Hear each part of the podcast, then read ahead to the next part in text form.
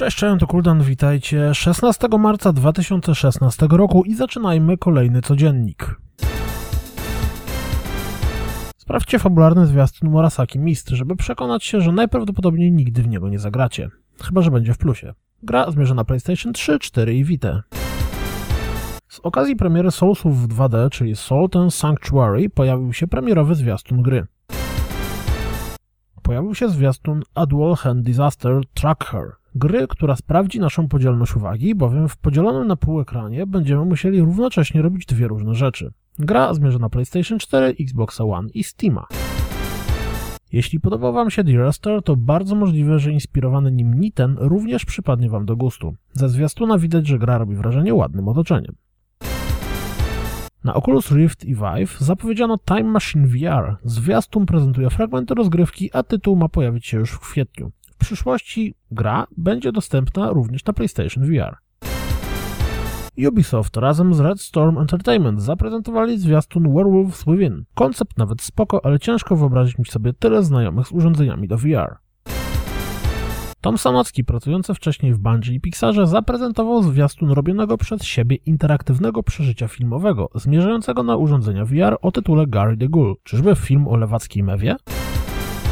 Jak jesteśmy przy interaktywnych przeżyciach filmowych, to Ubisoft zapowiedział Assassin's Creed VR Experience. Na Game Developers Conference odbyła się konferencja związana z PlayStation VR. Dowiedzieliśmy się z niej, że urządzenie będzie miało premierę w październiku tego roku, kosztować będzie 399 euro czy też dolarów, czyli pewnie trochę poniżej 2000 u nas, a do końca roku pojawi się na nim 50 gier, w tym specjalna wersja Star Wars Battlefront. Bombshell, która nie została zbyt dobrze przyjęta w momencie premiery, zresztą sprawdźcie sami chłodną recenzję w wykonaniu Preza, dostanie duży update wraz z darmowym DLC. Rozszerzenie miało początkowo być płatne, ale jako wyraz dobrej woli dla fanów, 3 Realms postanowiło wypuścić je za darmo.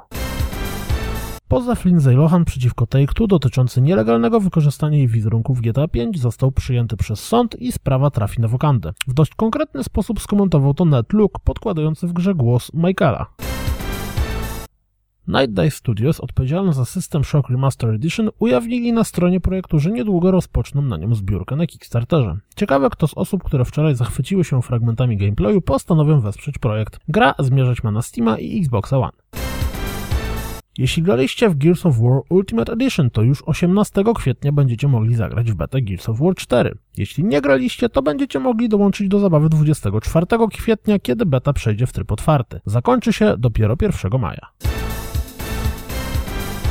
To wszystko na dziś, jak zawsze dziękuję za słuchanie, jak zawsze zapraszam na www.rozgrywkapodcast.pl. Jeśli doceniacie moją pracę, wesprzyjcie mnie na Patronite i mam nadzieję słyszymy się jutro. Cześć!